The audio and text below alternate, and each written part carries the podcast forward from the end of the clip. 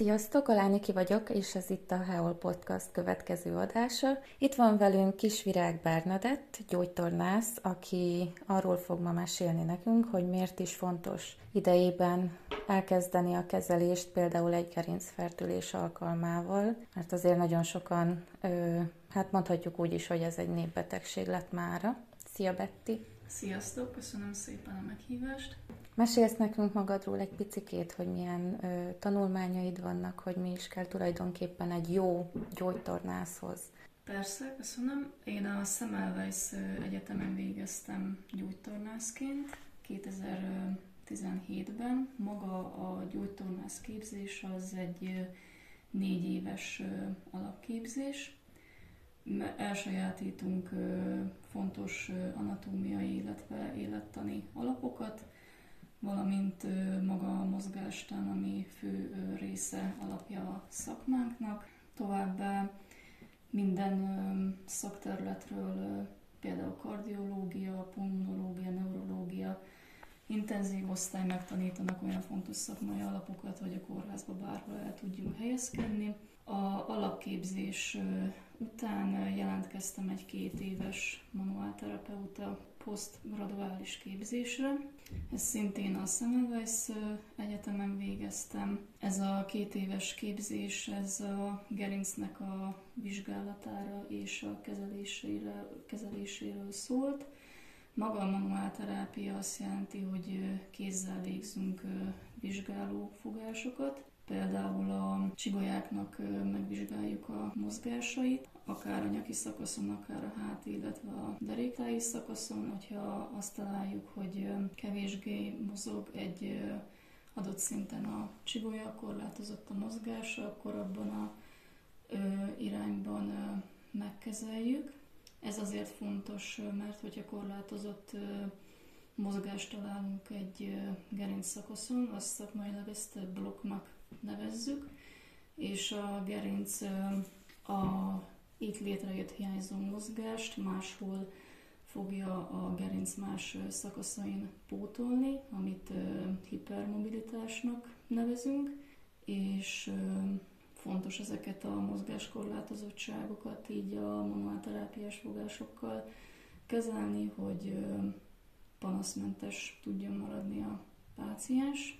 És még úgy tudom, hogy most is folyamatosan továbbképzésekre jársz, fejleszted Igen, magad. folyamatosan továbbra is magának a szakmánkban is fontos, meg alapkövetelmény, hogy a működési engedélyünk megmaradhasson, így folyamatosan továbbképzésre kell járnunk, pontokat kell gyűjtenünk öt évente. Ez mind gyakorlati pontokból áll, amit a munkánk tesz ki, meg a elméleti pontot pedig a szakmai továbbképzések teszik ki. Még a Marigen manuálterápiás módszerrel dolgozok, ez azt jelenti például a gyakorlatban, hogy eljön hozzám egy páciens azzal a panasszal, hogy előrehajol, és van egy nyilaló szúrófájó pont például a derekában, vagy például elfordítja a nyakát, fejét, és fájdalom jelentkezik a nyakában, és ennek a módszernek az a lényege, hogy a fájdalmas irányba végeztetjük a páciens által a mozgást, én pedig annál az adott szinten az adott csigolyánál csinálok egy ilyen kis minimális kis csúsztatást az izületben, és ezzel a fenntartó csúsztatással lesz fájdalommentes a mozgása, és nő a mozgás terjedelme. Ezzel a módszerrel tudunk még hatékonyan kezelni például ha nyaki gerinc eredetű a probléma, akkor szédülést. Például, hogyha valakinek, hogyha fölfele néz plafon irányába, és szédülés jelentkezik, akkor hatékonyan lehet vele kezelni. Fejfájást is lehet vele kezelni. És mit tapasztalsz egyébként, hogy Egerben sokan jönnek hozzád ilyen típusú fájdalmakkal, panaszokkal? Többnyire inkább gerinc panasszal jelentkeznek hozzám, akár nyak, akár derék, például gerincsérves panaszokkal, például lábasugárzó fájdalommal, zsibbadással gyakrabban, vagy karba lehúzódó fájdalommal, zsibbadással. És a gerincsérvet is lehet akkor ezek szerint kezelni? Igen, igen, a gerincsérvet jól lehet kezelni manuálterápiával.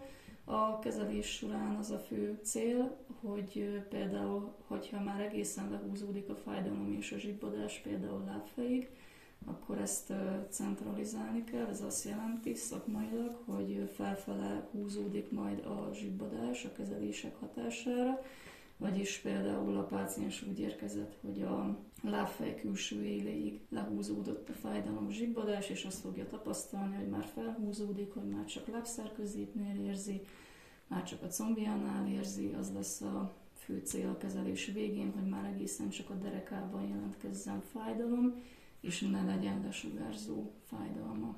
Ez mennyi idő?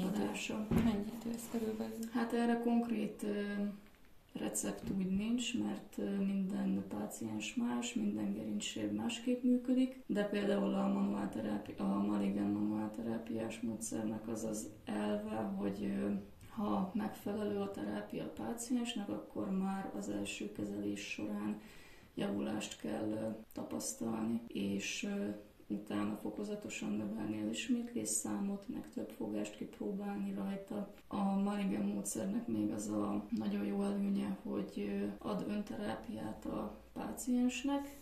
Ez azt jelenti, hogy megmutatjuk, hogy például azt az adott csúsztatást, ami jótékony volt a kezelés során, akár a nyak, akár a derékpanaszra, azt hogy tudja a páciens saját magának otthon elvégezni, és ugyanúgy végzi otthon rendszeresen a gyakorlatokat, így fent tudjuk tartani a kezelés során elért hatást és eredményt, és így hosszú távon nem fog függni a páciens a terapeutától, függetleníteni tudja magát.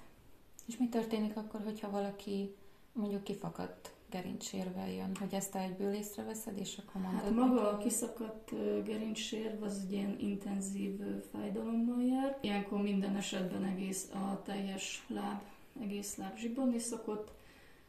Hát ilyenkor többnyire azért meg szokták műteni a pácienseket, szoktunk próbálkozni konzervatív terápiával, de hogyha nem segít a páciensnek a panaszán, meg nagyon intenzív fájdalma van, akkor ilyenkor ö, meg szokták műteni, de elsősorban mindig az a célunk, hogy minél jobban kitoljuk a műtétet, vagy ne kerüljön rá sor.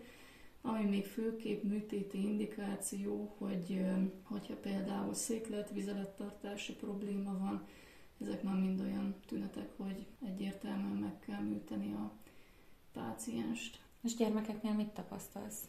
Ők is járnak hozzá? Gyermekek is járnak hozzám, ők gerincferdülés kezelésre járnak főképp hozzám. Maga a gerincferdülés a latin neve idiopátiás szkoliózis, ez magyarul azt jelenti, hogy ismeretlen eredetű, viszont már azóta kutatások bizonyítják azt, hogy ennek genetikai háttere van. Egy bizonyos gén meghatározza azt, hogy valakinek lesz gerincferdülése vagy sem. Ez a fajta gerincferdülés, amiről most beszélünk, ez egy háromdimenziós elváltozás a gerincnek. Az egyik síkban létrejött elváltozás az úgy jön létre, hogyha oldalról nézzük a gerincet, van egy természetes S alak. A háti szakasz esetében, hogyha ott jön létre a görbület, akkor ez a, ez a domborulat, ez így ellaposodik, létrejön egy lapos hát. A következő sík, amikor létrejön maga az oldalirányú görbület, maga a csigolyák kicsúsznak oldalra.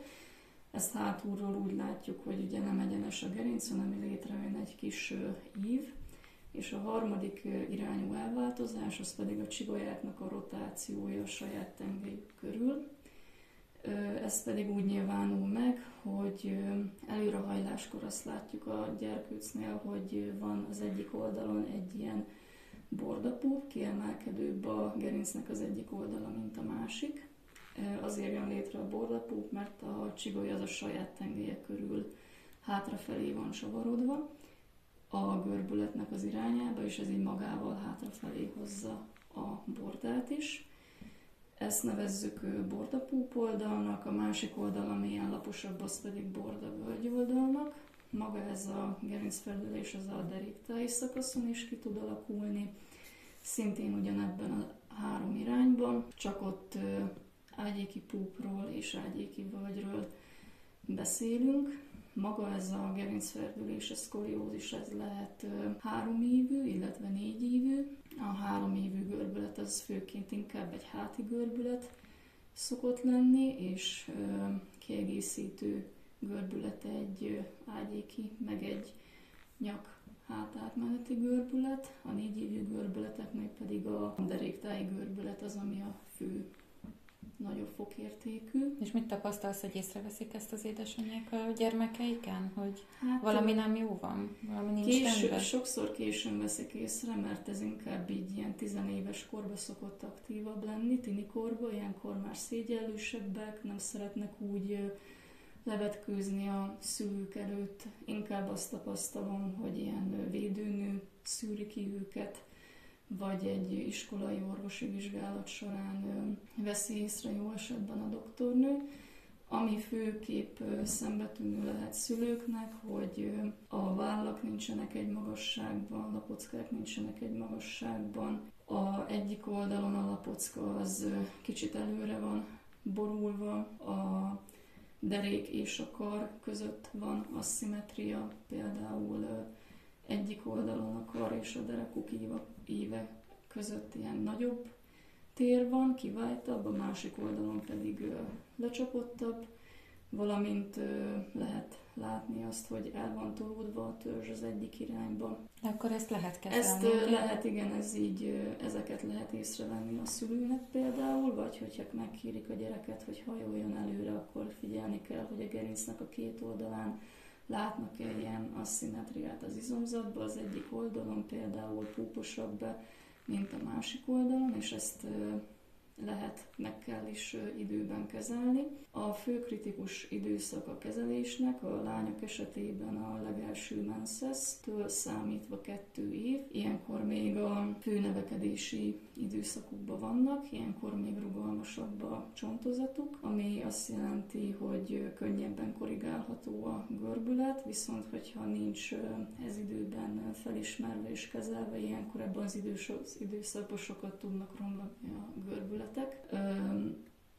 10-15 fokot is akár. Mikor van az, amikor azt mondja egy orvos, hogy ez elég csúnya, hogy ezzel valamit lehetne kezdeni. Mert gondolom nem egyből a műtétet javasolják Persze. általában, de mondjuk az se jellemző, hogy az orvos azt mondja, hogy akkor menjünk el gyógytornászhoz. Hát vannak olyan orvosok, akik szerencsére megemlítik a SROT terápiát, ami így a gerincferdülésnek a kezelésére leghatékonyabb terápia.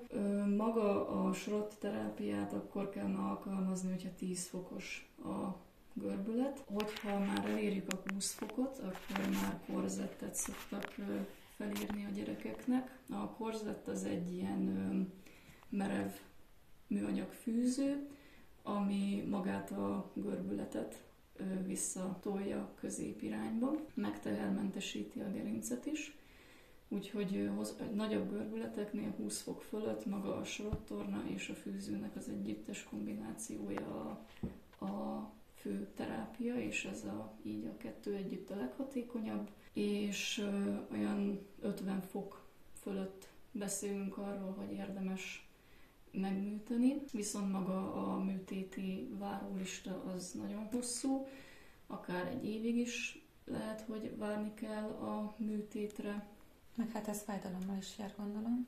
Maga műtét után igen, egyébként magának a szkoliózisnak az a hátránya, hogy egyébként nem ér fájdalommal, meg ugye a gyerkőc nem feltétlenül veszi észre. A háti görbületek azok esztétikailag zavaróbbak, de mondjuk a lumbális görbületek azok kicsit kevésbé feltűnőek, úgyhogy nem is látja, meg nem is fáj neki, ezért hajlamos ugye nem foglalkozni vele. Ez később jelenthet majd felnőtt korban problémát, hogy jelentkezhet fájdalom mondjuk így későbbiekben. Felnőtt korban is foglalkozunk gerincferdülés kezeléssel, ott pedig az a fő célunk, hogyha kialakult egy fájdalom, akkor az megszűnjön fájdalom. De a gerincferdülés, gerincferdülést magát azt lehet kezelni? Magát a gerincferdülést már felnőtt korban nem lehet.